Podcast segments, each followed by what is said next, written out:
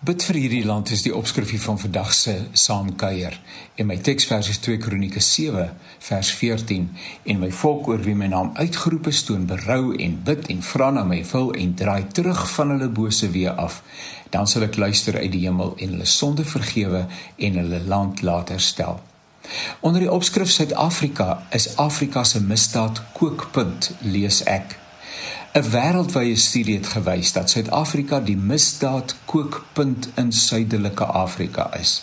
Die globale georganiseerde misdaadindeks van 2023 het bevind dat Suid-Afrika 'n groot teelaarde vir korrupsie en mensehandel is. Suid-Afrika se hoë telling in kriminaliteit plaas die land in die nommer 1 plek in Suidelike Afrika.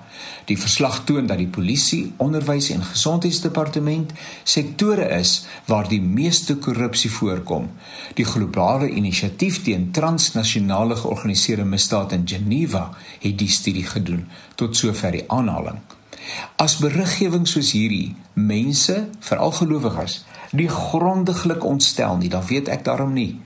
Die land waarin ons woon en werk, die land waarvoor ons opgeoffer het in die land waar ons en ander se kinders 'n toekoms moet bou, word tans gereken as 'n misdaad Mekka, wêreldklas kriminele samelewing. Die vraag is inderdaad hoe ons hier gekom het.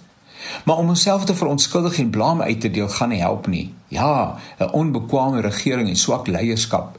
Ja, armoede en 'n stryd om oorlewing. Ja, COVID-19 en al die negativiteit wat daarmee verband hou, kan as redes aangevoer word. Ja, die owerhede is nie in staat om ons te beskerm nie en die mense wat met die verantwoordelikheid toevertrou is, maak hulle self soms skuldig aan wangedrag. Ja, dit mag die tekens van die tye wees en ja, dit is kenmerkend van die hele wêreld. Die verval is tasbaar en ontstellend, maar waar laat dit ons as gelowiges?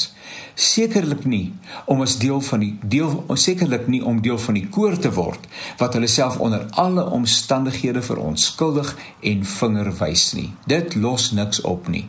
Kom ons begin by gebed. Lord have mercy. Christ have mercy. Dalk moet ons dit dreun sang vandat ons opstaan totdat ons gaan slaap. Dalk moet ons klaag sang, kreun en steun onder die gewig van dit alles. Dalk moet ons die teks van 2 Kronieke 7 vers 14 weer 'n slag ernstig opneem as my volk hulle verootmoedig en bid.